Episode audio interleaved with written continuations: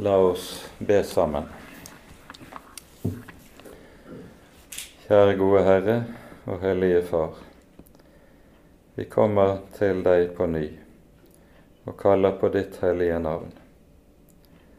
Takk, Herre, for ditt ord. Takk, Herre, at du selv kommer til oss i ordet, for at vi skal få lov til å kjenne deg og bli frelst så ber vi, Herre, at du vil være hos oss med din ånd, og at du vil gi oss lys i ordet ditt.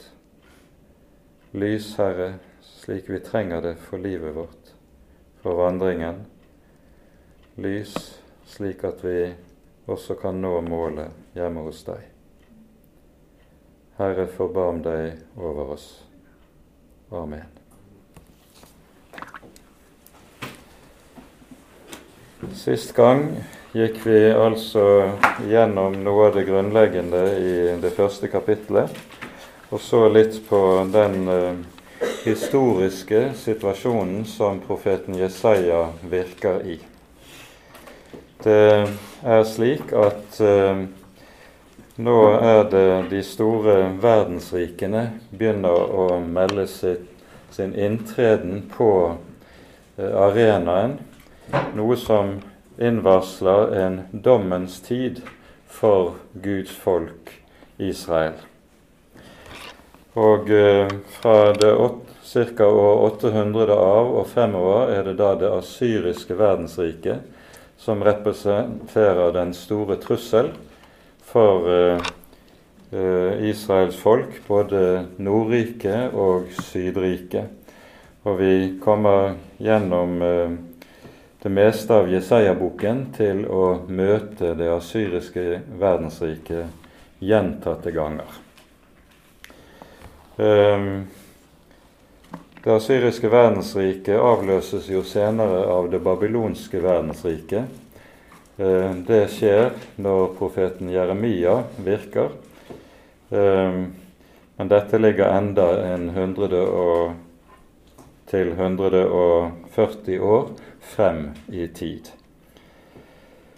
Jesajas, eh, Jesaja-bokens eh, seks første kapitler er talt under kong Ussias, som vi var inne på sist gang. Det er jo fire konger i Jerusalem som er nevnt i det første verset i Jesaja-boken som de konger profeten virket under.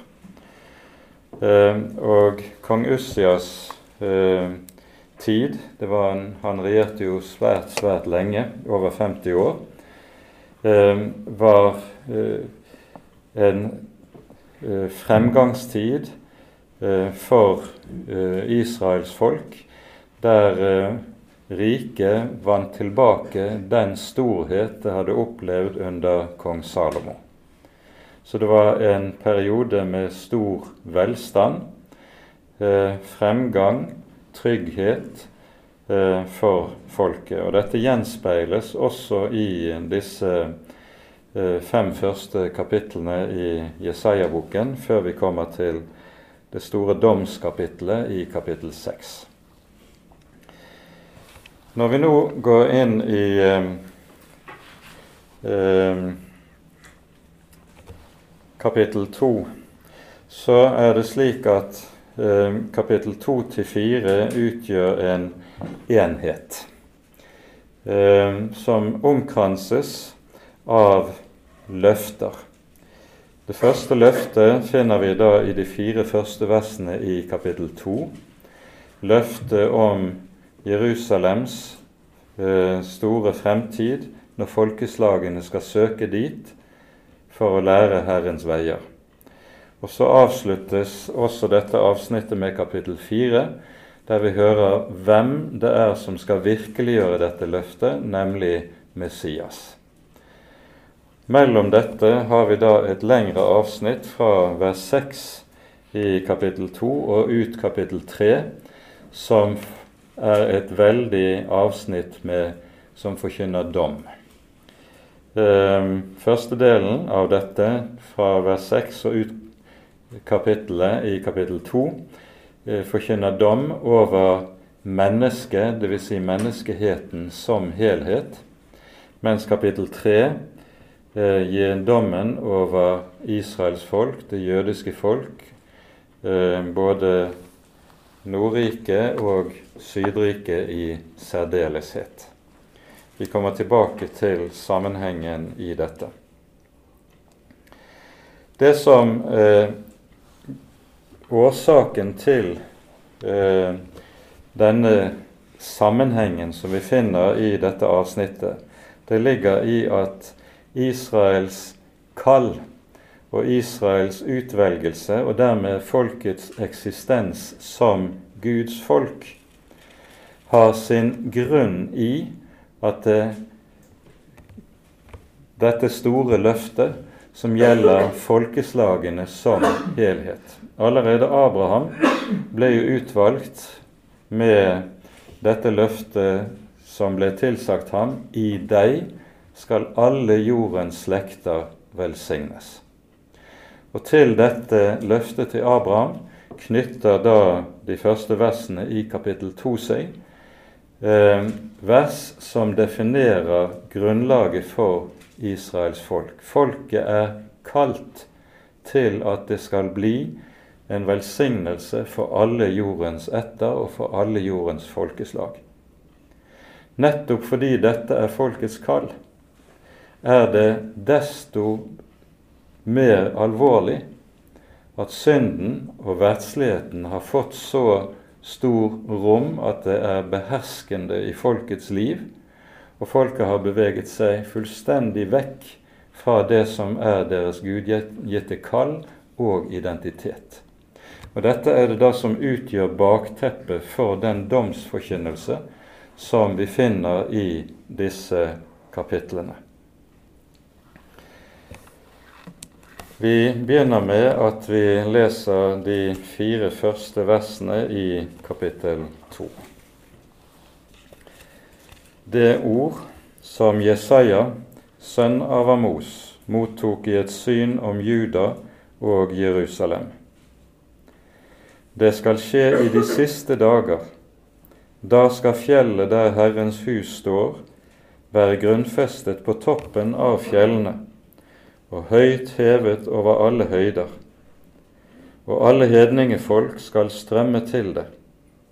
Mange folkeslag skal gå av sted og si:" Kom, la oss gå opp til Herrens berg, til Jakobs Guds hus, så han kan lære oss sine veier og vi vandre på hans stier. For fra Sion skal lov utgå, og Herrens ord fra Jerusalem.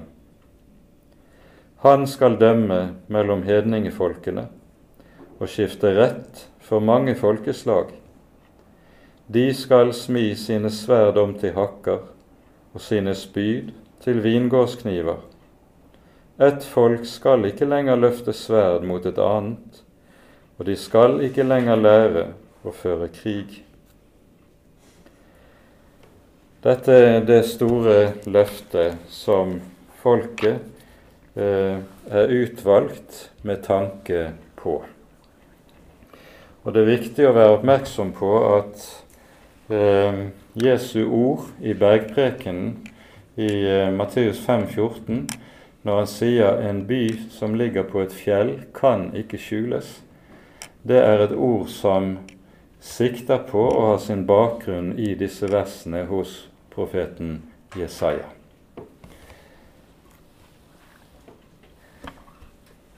Disse versene begynner med det underlige som vi hører i vers 1. Det ord Jesaja mottok i et syn. Det er altså slik at profeten ser et bestemt ord. Og Så kan du undre deg over dette. Vanligvis er det jo slik at man da hører et ord, men han ser et ord. Det er en visjon der Herrens ord blir klart for profeten. Her står vi overfor noe som er grunnleggende i Den hellige skrift. Og vi får veldig tydelig uttrykk for dette i 1. Samuels bok i det tredje kapittel, der vi hører om hvorledes Herren kaller den unge Samuel. Ehm, og så leser vi i de siste versene i 1. Samuel 3. Samuel vokste opp, og Herren var med ham, og lot ikke noen av sine ord falle til jorden. Herren har kalt og utvalgt Samuel til profet. Og så fortsetter det. Da skjønte hele Israel fra Dan til Bersheva at Samuel var betrodd å være profet for Herren. 1. Samuel 3. Og, her, og så i det siste verset Og Herren ble ved og la seg se i Kilo, for Herren åpenbarte seg for Samuel i Kilo ved Herrens ord. Altså Herren lot seg se i Herrens ord. Det er poenget. Og Dette er grunnleggende i Skriften, for det er i Ordet vi lærer å se Herren.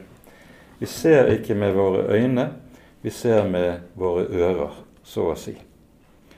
Dette er den bibelske tankegangen rundt dette.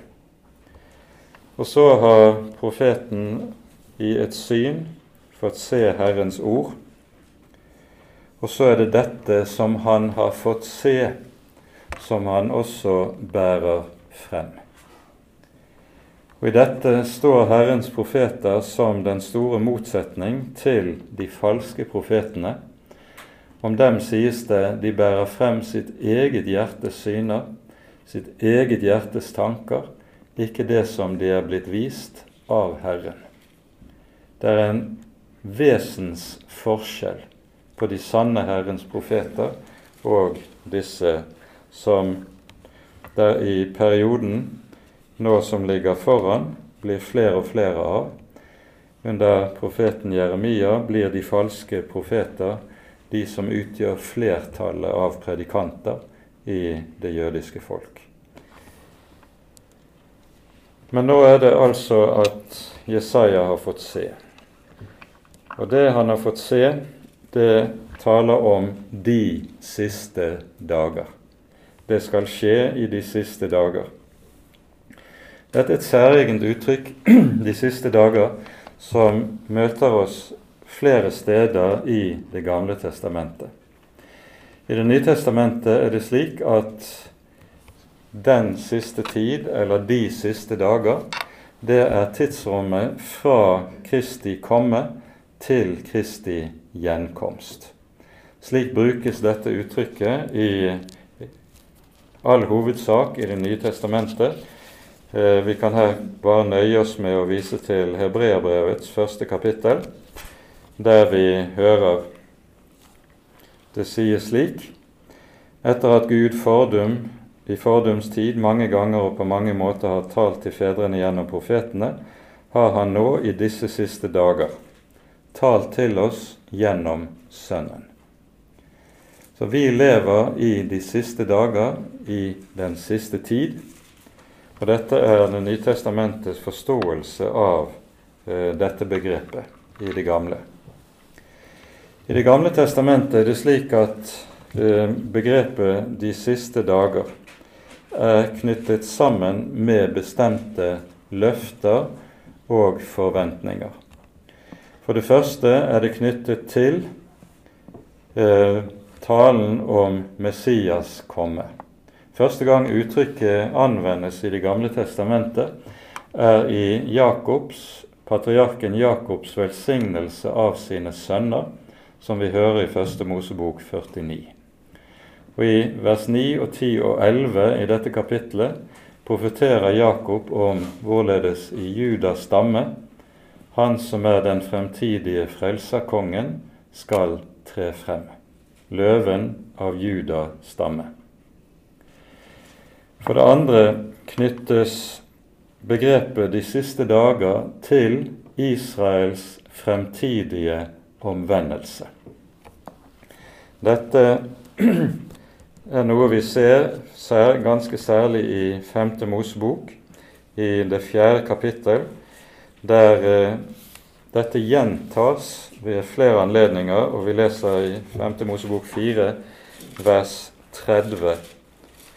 Når du er i trengsel, du, det er Israel, når du er i trengsel, og alle disse ting kommer over deg i de siste dager, da skal du omvende deg til Herren din Gud og høre på Hans røst. De siste dager, det er altså dagene der Israels folk skal vende om. Vende om fra den forherdelse som på profetenes tid behersker folket. For det tredje er uttrykket 'de siste dager' i Det gamle testamentet knyttet til dommen over de store verdensrikene. Israels omvendelse det skal nettopp skje idet de store verdensrikene dømmes og går under. Daniels bok er ganske særlig eh, vitnesbyrd om dette, men vi hører også om samme sak i eh, eksempelvis hos profeten Hosea i det tredje kapittel.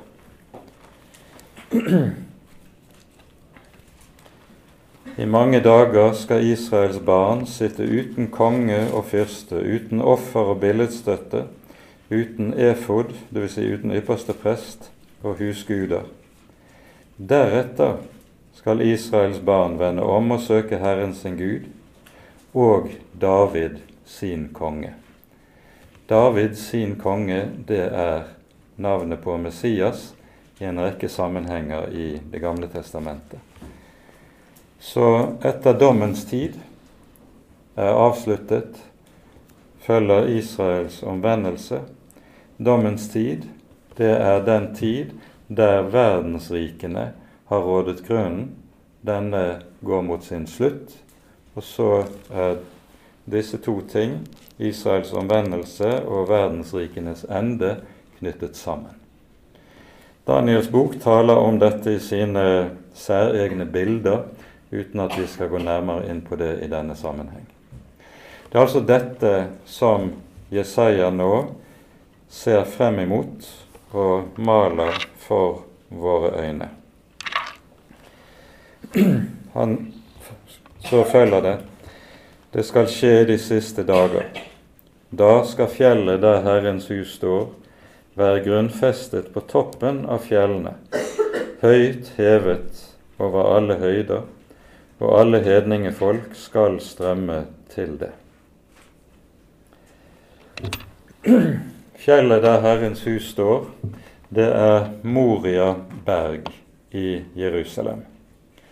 Der var det eh, David kjøpte treskeplassen til Ornan etter at Herren hadde åpenbart seg for ham på treskeplassen. På dette berget, Moria berg, var det Abraham fikk befaling om å ofre Isak. Og når han stanses, så lyder det eh, at på Herrens berg skal han la seg se. Det er altså en profeti som peker frem imot dette som vi her hører om. Med dette så knytter Jesaja til to av de helt sentrale skikkelsene i Det gamle testamentet. Først Abraham, så David, og i det neste verset hører vi også at Jakob, som folkets stamfar, nevnes. Herrens berg, Jerusalem, det er jo slik at Jerusalem ligger på fire høyder. Eh,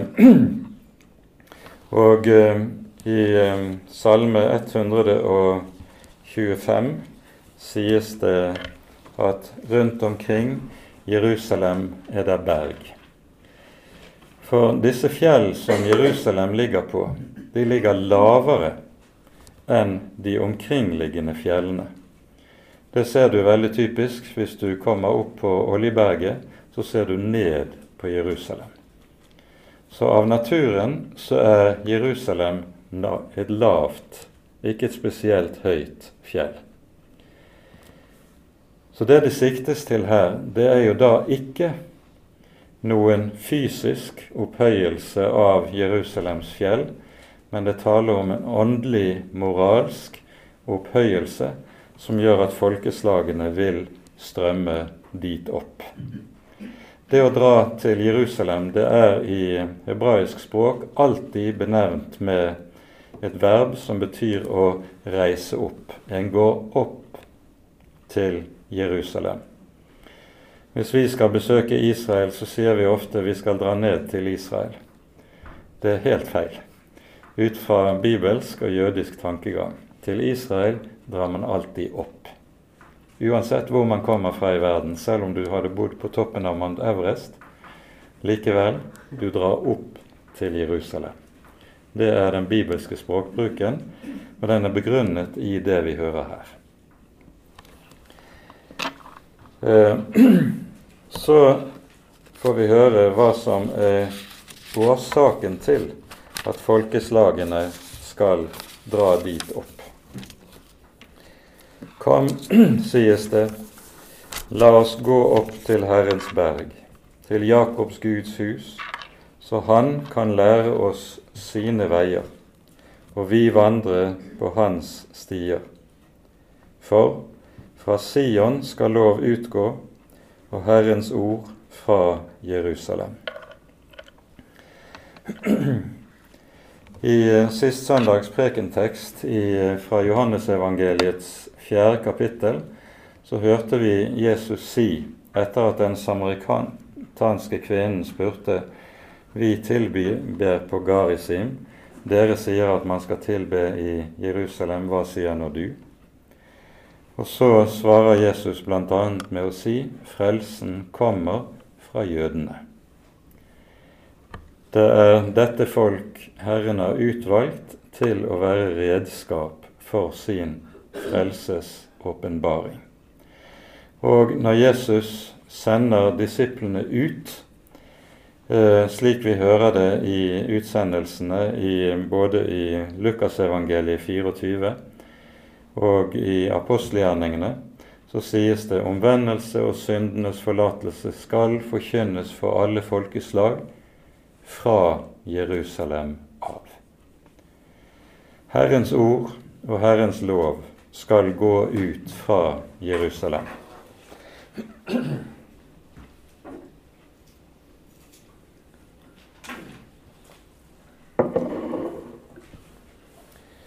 Nå er det viktig å være klar over at hva som er betydningen av ordet lov i Bibelen.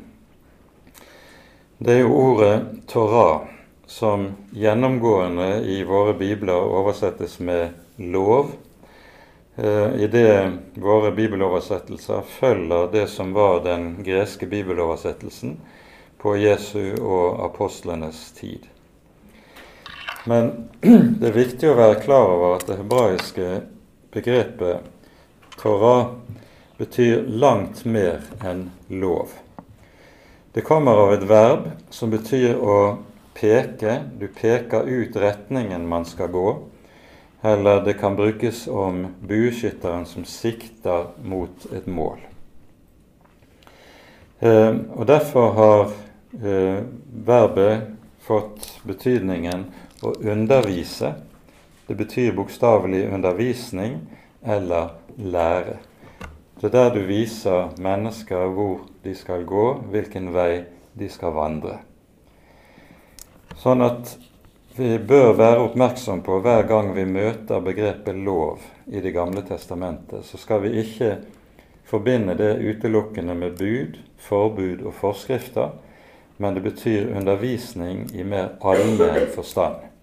Og Da er selvfølgelig budene innbefattet i det, men det er ikke begrenset til dette. Um, og det som nå altså skal skje, er at det fra Jerusalem skal utgå en undervisning, et budskap, som utøver en uimotståelig tiltrekningskraft på folkeslagene. Det blir som en magnet som drar folkene til seg. I eh, det ti, eh, unnskyld, ellevte kapittelet i Jesaja-boken hører vi det samme sies om eh, Messias, i det det da er personifisert hvem det er som gir denne undervisning. I Jesaja 11, 10 sies det på den tiden skal hedningefolkene søke til Isais rotskudd, som står som et banner for folkeslagene, og hans bolig skal være herlighet. Det som er poenget i dette, det at det ordet som her lyder, det har det med seg at det skaper trøst, fred, hvile, håp, liv i de menneskers liv der dette når inn og blir hørt. En gjenklang av dette møter vi hos eh, Peter når eh, i Johannesevangeliets sjette kapittel hører det mange som vender Jesus ryggen Hvorpå Jesus spør de tolv vil også dere gå bort? Og Peter svarer, Herre, til hvem skulle vi gå? Du har det evige livs ord. I Jesu ord har de hørt en tale, et budskap, en forkynnelse, som de aldri har hørt tilsvarende til, noe lignende til, det sies jo i kapittelet etterpå, i det syvende kapittelet i Johannesevangeliet, noen som har hørt Jesus tale, aldri har noen talt som denne mann. Det er et budskap som kalles for livsalig i flere sammenhenger i Skriften, og som i bokstavelig forstand er livgivende. Skaper liv av døde i liv i døde hjerter. Og så er det derfor også slik at det har denne forunderlige tiltrekningskraft i seg. Jesus setter også ord på dette i Johannesevangeliets sjette kapittel når han sier Ingen kan komme til meg uten at Faderen som har sendt meg, drar ham. Og det er denne dragende makt som ligger i budskapet, som, at, som drar mennesker inn til Kristi person, fordi der finner de livet og håpet. Og så er det vi hører at dette skal gjelde folkeslagene. Mange folkeslag, sies det, skal si, la oss gå opp til Herrens berg, til Jakobs Guds hus så han kan lære oss sine veier. Eh, vi hører tilsvarende ord. Dere vil se henvisning under ehm, eh, vers 2 til profeten Sakarias, det åttende kapittel, og også til Jeremia kapittel 3. Så dette er et budskap som gjentas senere hos en rekke av profetene. Det er ikke tilfeldig at det sies 'la oss gå opp til Herrens berg', og så sies det 'til Jakobs Guds hus'. Jakob er i Det gamle testamentet et navn som gjennomgående knyttes til Herren. Herren kalles Jakobs Gud. Og når du leser beretningen om Jakob, så leser du beretningen om en mann som i hvert fall ikke kan kalles for from. Han var en lurendreier og litt av en eh, bedrager, slik som vi møter ham i en rekke sammenhenger. Det innebærer at begrepet Jakobs Gud det er den gammeltestamentlige parallellen til at Jesus i Det nye testamentet kalles for synderes venn. Og Dette er uhyre viktig å være klar over, for på denne måten har Herren sagt hvem han vil være Gud for. Han er den som bøyer seg ned til og tar seg av syndere. Når det sies Jakobs Guds hus, så ligger det jo også i dette en underforstått henvisning til Første Mosebok 28. Det er der Jakob, eh, etter å ha måttet drømme hjemmefra, etter å ha bedratt sin blinde far og broren Esau for velsignelsen, så ligger han den første natten eh, i mørket med en stein til hodepute, og så drømmer han og ser stigen som er reist til himmelen. Og så når han våkner, så sier han her er sannelig Guds hus, her er himmelens port, og jeg visste det ikke. Poenget er at dette er det første sted i Bibelen begrepet Guds hus nevnes. Og det er alltid slik i Skriften at første gang en sak omtales, da ser du også det som er det vesentlige karakteristiske ved denne sak. Og hva er det vesentlige karakteristiske ved begrepet Guds hus? Jo, det er det sted der stigen er reist. Hva er stigen? Stigen er symbolet på det som knytter sammen himmel og jord. Den hellige Gud som står øverst, og som bøyer seg ned til en synder som ligger nede i mørket. Det er det stigen symboliserer.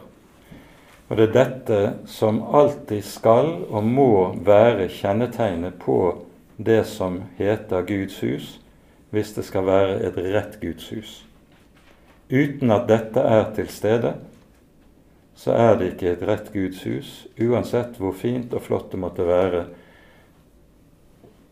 Det er for så helt underordnet. Så er det altså dit folkeslagene søker. Fordi han som er Messias, forkynner og taler Vi møter ham igjen i kapittel 4. Og så er det at vi møter Messias som læreren i Det gamle testamentet. Dette er gitt allerede i 5. Moseboks 18. kapittel, der Herren gir løfte til eh, folket og, i forbindelse med Moses' bortgang. Eh, så sies det en profet like som meg skal Herren oppreise dere. På ham 5. Mosebok kapittel 18, eh, fra vers 15. På ham skal dere høre. Og så sies det sågar Vær den som ikke hører på mitt ord som går ut av hans munn, ham vil jeg kreve til regnskap for det. Det er altså slik at et menneskes evige skjebne avgjøres av hvilken stilling det har til ordet som går ut av hans munn. Dette møter vi jo igjen i Jesu virke og i Jesu budskap, at forholdet til Jesu ord er det som avgjør fall eller frelse, uten at vi skal gå nærmere inn på det i denne sammenheng.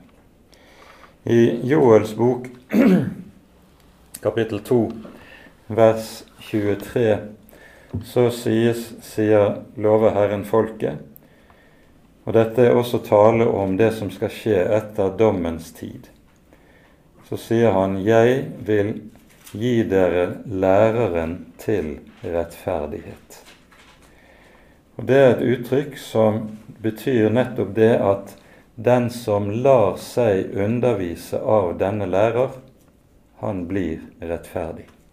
Det er et budskap som gjør den rettferdig som hører det og tar det til hjertet. Så læreren til rettferdighet er en viktig tittel eh, på Messias i Det gamle testamentet. Så hører vi også om i vers 4 han skal dømme mellom hedningefolkene og skifte rett for mange folkeslag. De skal smi sine sverd om til hakker og sine spyd til vingårdskniver. Under slike bilder så tegnes han som kalles fredsfyrsten i Det gamle testamentet. Det er jo en tittel som uh, sies uttrykkelig i det niende kapittel, og som vi også møter et par andre steder. Uh, og I denne sammenheng må vi jo da si at dette er et løfte som enda ikke er oppfylt. Folkeslagene drar i åndelig forstand opp til Jerusalem og lar seg undervise av Han som er læreren til rettferdighet. Det har skjedd gjennom 2000 år. Men det siste som vi hører om her, det er enda ikke gått i oppfyllelse. Og Dette henger sammen med noe som er et kjennetegn ved profetien i Det gamle testamentet. Det er at vi ser gjennomgående at når profetene ser fremover, så ser de alt det som kjennetegner Messias verk, som noe som nærmest skjer samtidig. Mens i Det nye testamentet så adskilles det på en sånn måte at noe av det som loves, hører til Kristi første komme, mens andre forhold hører til Kristi annet komme mens Det gamle testamentets profeter altså ofte ser dette under ett som om det var samtidig. Slik er det ikke. Men uh, dette kjennetegner altså uh, profetiene i Det gamle testamentet, og vi vil se det i flere sammenhenger, også i Jesaja-boken.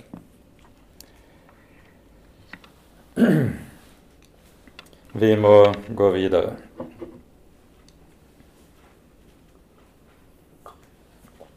Det som nå følger, det er først en formaning i vers 5, og dernest en veldig domstale i resten av kapittelet. Jakobs hus, la oss vandre i Herrens lys. Det er nettopp det folket nemlig ikke gjør. Og vi hører det som er tilstanden i folket, males med bred pensel og i veldig konsentrert form i de neste versene. Vi kommer til det etter hvert. Men la oss nå lese resten av kapittel 2 i sammenheng før vi ser nærmere på det. Jakobs hus, kom, la oss vandre i Herrens lys. Du har forkastet ditt folk, Jakobs hus, fordi de er fulle av Østerlands kunster, og spår av skyene som filistrene, og gir håndslag til fremmede. Landet deres ble fullt av sølv og gull, og det er ingen ende på rikdommen. Landet ble fullt av hester, og det er ingen ende på deres vogner. Landet deres ble fullt av avguder, de tilber sine henders verk, det deres fingre har gjort.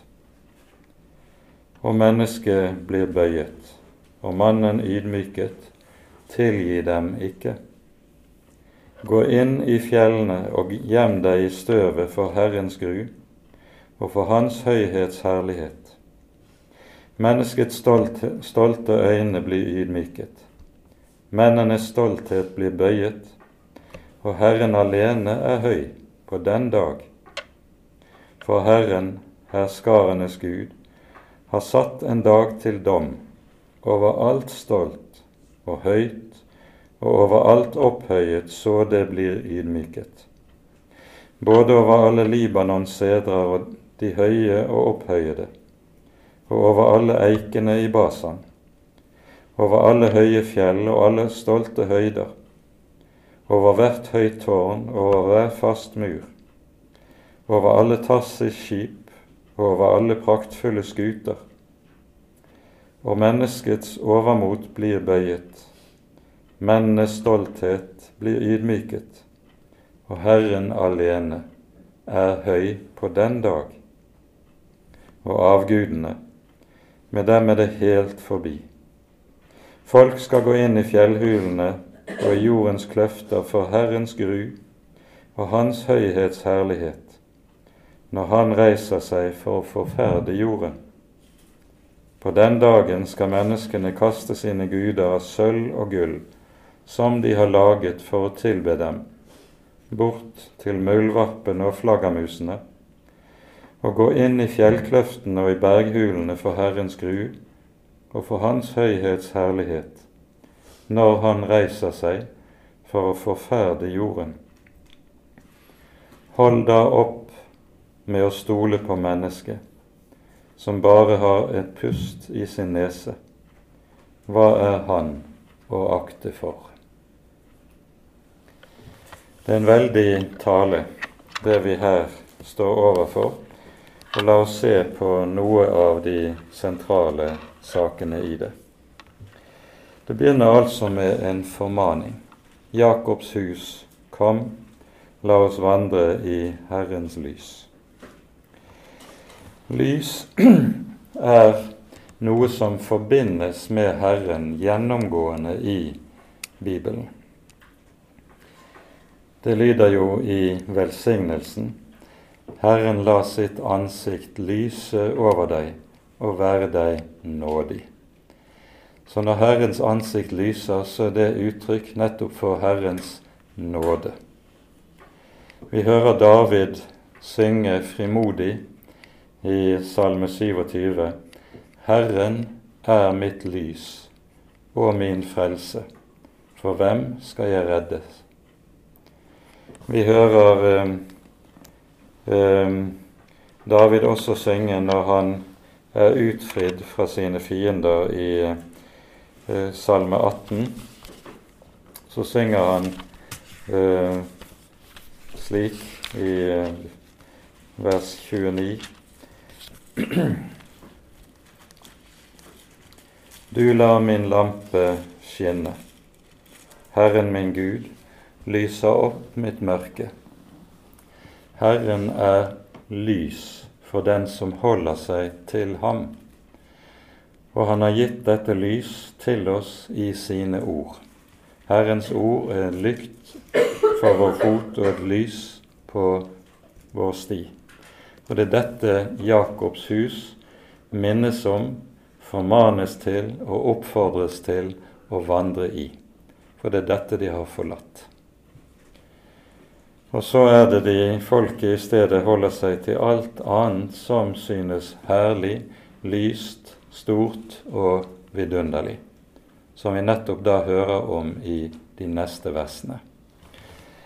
Og Man skal her legge merke til sammenhengen. I vers, de versene vi har sett på, vers 3 så sies det mange folkeslag skal gå av sted og si:" Kom, la oss gå opp til Herrens hus, til Herrens berg. Og så fra vers 6, 7 og 8 så hører vi at det er masse folkeslag som strømmer opp til Jerusalem. Men de kommer ikke for å lære Herrens veier. De kommer ikke for å lære Herren å kjenne. I stedet er det det motsatte som skjer de lærer Guds folk sine egne avguderiske skikker. Og så blir Guds folk som et hedensk folk. Det som møter oss her, det er det vi møter i denne konsentrerte uttalelsen i 1. Samuels bok i det åttende kapittel. Når folket kommer til Samuel og sier 'vi vil være som alle de andre folk. Israels kall var nettopp det at de ikke skulle være som alle andre folk. De skulle være det hellige folket. Det folket som Herren hadde skilt ut for sin hellighet og for å være det sted hvor han åpenbarte seg for menneskene til menneskers frelse. Men det som har kommet til å gjelde i sterkere og sterkere grad for folket, er nettopp ordene som lød til Samuel. Vi vil være som alle de andre folk. Og så hører vi i disse versene fra vers 6 av hvordan Guds folk har latt seg prege av hedningene og latt seg fylle av alt det som kjennetegner hedenskapet. De er fulle av Østerlands kunster. Det innebærer det, I kort form så er det alt det som hører inn under det vi kaller for ulike typer okkult praksis, og som folket advares på det aller sterkeste imot i en rekke sammenhenger i eh, Særlig i Mosebøkene, men også senere hos Jesaja. Vi ser i eh, at det er noe som kjennetegner alle hedenske religioner. Det er at ulike former for okkult praksis har en integrert plass i denne typen religiøsitet. Mens i Bibels gudstro så er dette noe som er vesensfremmed for levende og sann gudstro. Det er brudd både med første og det andre bud å gi seg inn i slike ting. Eh, vi kunne kanskje ganske kort lese fra 5. Mosebok kapittel 18, der dette her listes opp, som her kalles for eh, Østens eller Østerlands kunstner, kunster. Her leser vi fra vers 9. Når du kommer til det land Herren din Gud gir deg, skal du ikke ta etter disse folks motbydelige skikker. Det skal ikke finnes noen hos seg som lar sin sønn eller datter gå gjennom ilden. Dette uttrykket beskriver barneofringer, slik som vi hører det særlig foregikk til guden Mollok, eh, omtales flere steder i kongebøkene. Heller ikke noen som gir seg av med spådomskunster eller spår av skyene, eller eller tyder varsler eller er en trollmann. Heller ikke noen heksemester, ingen som spør en dødningemaner, det som vi kaller for spiritisme. Ingen spåmann, ingen som gjør spørsmål til de døde. Hver den som gjør slikt, er vemmelig for Herren. Og for disse vemmelige tings skyld er det Herren din Gud driver dem bort for deg. Dette er det som har fått rom i Israels folk og i Guds stad, som skulle være Herrens hellige by. Så fortsetter det med, som vi hører i vers 7, landet deres ble fullt av sølv og gull, og det er ingen ende på rikdommen. Når dette nevnes her, så er det fordi vi i 5. Mosebok kapittel 8 hører den sterke advarsel fra eh, Herren om at når du kommer inn i et godt land, et land hvor du kan ete og være trygg, hvor du kan eh, ikke mangle noe, hvor altså velstand etter hvert blir en del av folkets liv, da sies det da vokt deg for å glemme Herren din Gud. Altså, velstanden representerer alltid en sterk fristelse til å glemme Herren. Og det er nettopp det som nå skjer i utstrakt grad i folkets liv, og som nevnes og omtales på denne måten. Dernest hører vi landet blir fullt av hester, og det er ingen ende på deres vogner. I dette ligger det at folket i stedet for å stole på Herren, stoler på ytre verdslig og militær makt. Det gjentas som et omkved en rekke steder, f.eks. i Salmenes bok, at Herren har ikke lyst til mannens ben. Han har ikke lyst til hestens styrke. Herren har lyst til den som venter på ham og bier på hans miskunnhet. Eh, vi møter dette senere igjen i eh, hos profeten Jesaja, ganske spesielt i det 30. kapittelet, hvor folket etter hvert er blitt berøvet all ytre makt. En veldig krise når Asyria har invadert landet. Og så får de løftet. I stillhet og i tillit skal din styrke være. Ikke i hester, ikke i vogner, ikke i ytre militærmakt. I stillhet og i tillit. Og at Herren her mener alvor, at dette ikke bare er fromme ord, det demonstreres så ved at Herren uten menneskelig inngripen stanser og ødelegger den asyriske hæren utenfor Jerusalem. Dette kommer vi senere tilbake til, men det er en del av profetens sentrale budskap.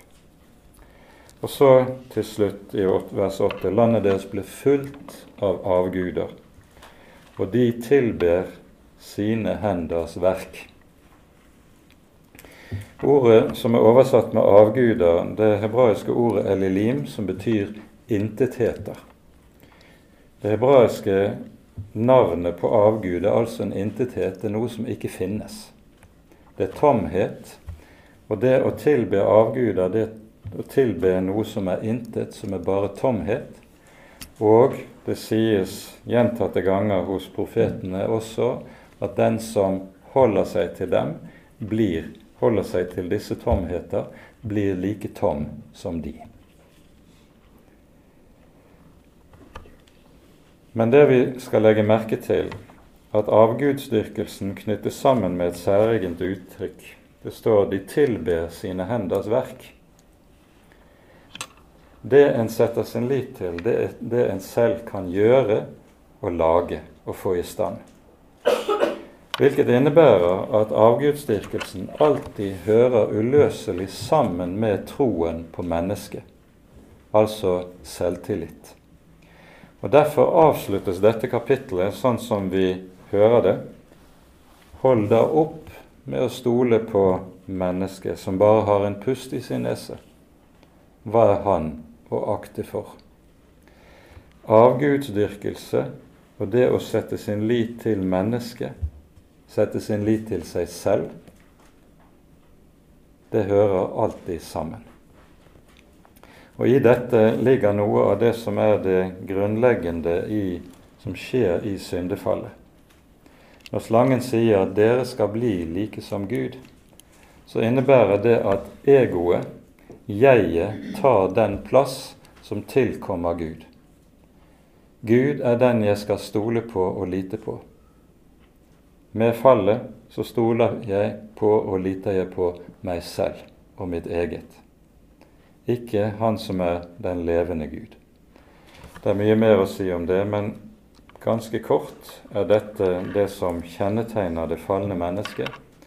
Og Derfor også er det også slik at det som er sentrum i det veldige domsavsnittet som da nå følger fra vers 9 av, det er Guds dom over menneskets overmot, den menneskelige hybris. For i slangens ord 'dere skal bli like som Gud', er det nettopp den grunnleggende fristelse til menneskelig selvstorhet. Om dette taler Jesus meget salt i Lukasevangeliets 16. kapittel, når han kort og fyndig sier alt det som er høyt i menneskers øyne, er en vederstyggelighet i Guds øyne. Dette er det som vi sammenfattende kan si er innholdet i dette avsnittet.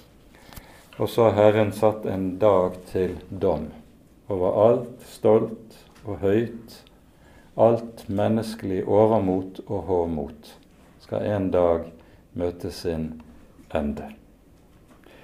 Denne dagen kalles gjennomgående i Det gamle testamentet for Herrens dag, eller med vårt språkbruk dommens dag.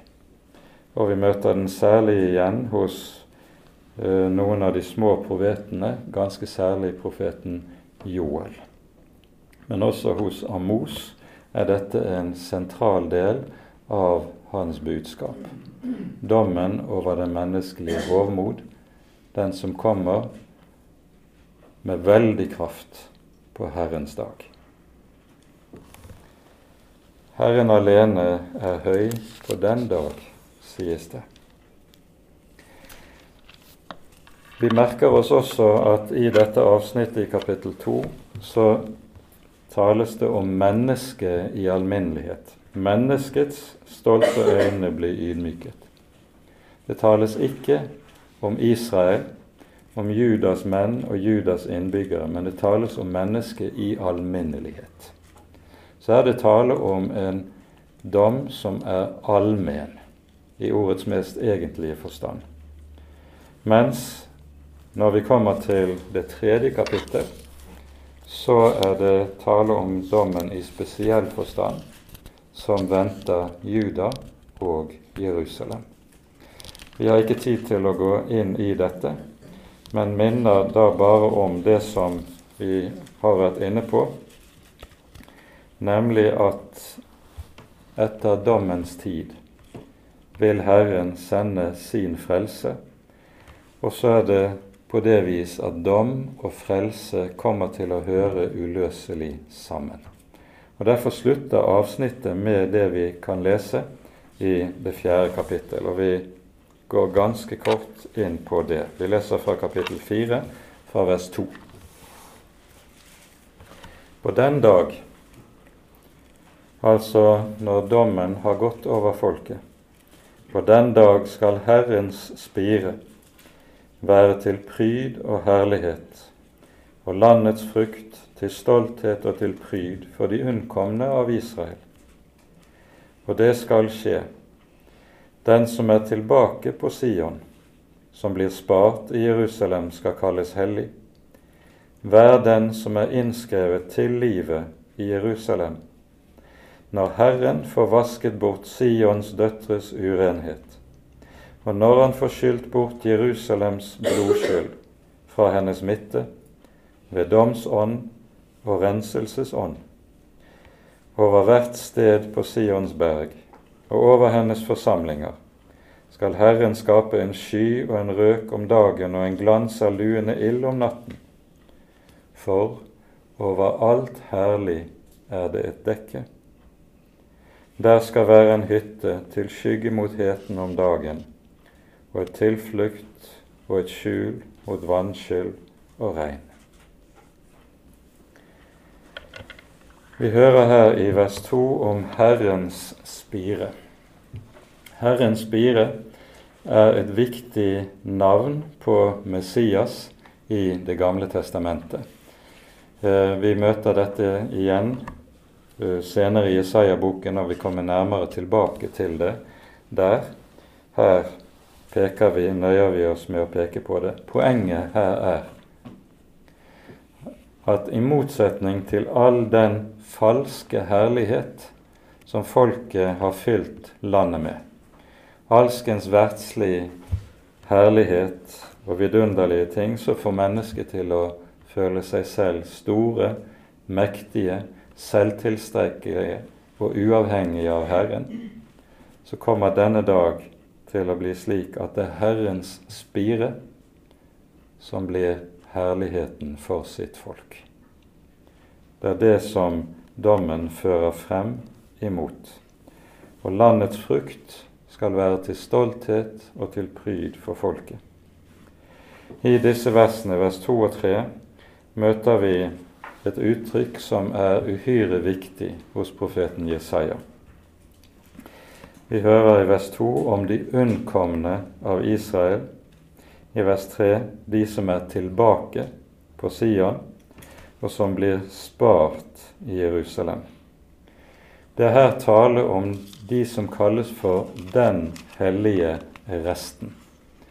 Og dette er et grunntema i Jesaja-boken at etter dommens tid så vil det være en rest tilbake som er en hellig rest. Eh, dette er antydet allerede i kapittel 1, eh, der vi hørte ordene i det niende verset i det første kapittel. hadde ikke Herren herskarenes Gud latt det bli tilbake en liten rest av oss. Nettopp dette blir et tema som utfoldes nå videre i de tolv første kapitlene av Jesaja-boken, og som vi så også møter senere ut i boken. Før vi setter punktum, så henleder vi bare oppmerksomheten på at det er tale om det å være innskrevet til livet i Jerusalem. Og her møter vi et uttrykk som ligger bak det som senere i Det nye testamentet kalles for livets bok. Livets bok. Denne bok er en bok som vi møter i Salme 87, i eh, Salmenes bok, som nettopp er en salme om Jerusalem, og om Jerusalems fremtidige herlighet. En herlighet som handler om hvorledes hedningefolkene nettopp skal strømme opp til byen og få borgerrett i byen. Vi leser noen vers fra Salme 87. Det er en meget kort salme, bare syv vers. Ehm, Den by han har grunnfestet på de hellige fjell. Herren elsker Sions porter fremfor alle Jakobs boliger. Herlige ting er sagt om deg, du Guds stad, Sela. Jeg nevner Rahab og Babel blant dem som kjenner meg, se, Filisterland og Tyrus sammen med Etiopia. Denne er født der. Her nevnes altså en rekke hedningefolk ved navn. Og så sies det om dem de har fødselsrett i Jerusalem. Om Sion skal det bli sagt, hver og en er født der, og han, den høyeste, gjør det fast. Herren skal telle når folkene blir oppskrevet, og si, denne er født der. Sela. Og de som synger og spiller på fløyte, skal si, alle mine kilder er i deg. Her skrives folkeslagene inn i manntallet. Et manntall som gir dem fødselsrett i den hellige stad.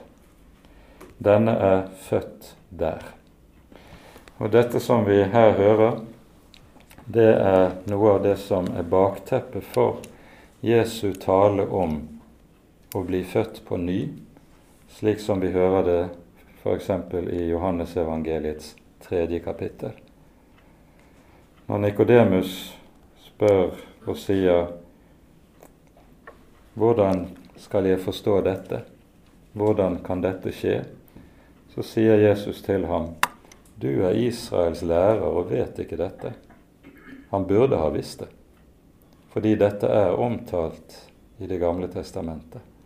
Men det var altså en sak som hos fariseerne ikke hadde eh, vært noe som vakte oppmerksomhet, og som de hadde sett og forstått.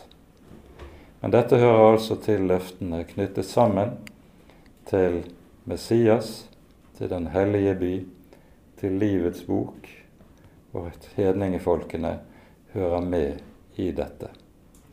Vi rekker ikke mer, så vi må sette punktum for det i dag. Ære være Faderen og Sønnen og Den hellige ånd, som var og er og være skal, en sann Gud, høylovet i evighet. Amen.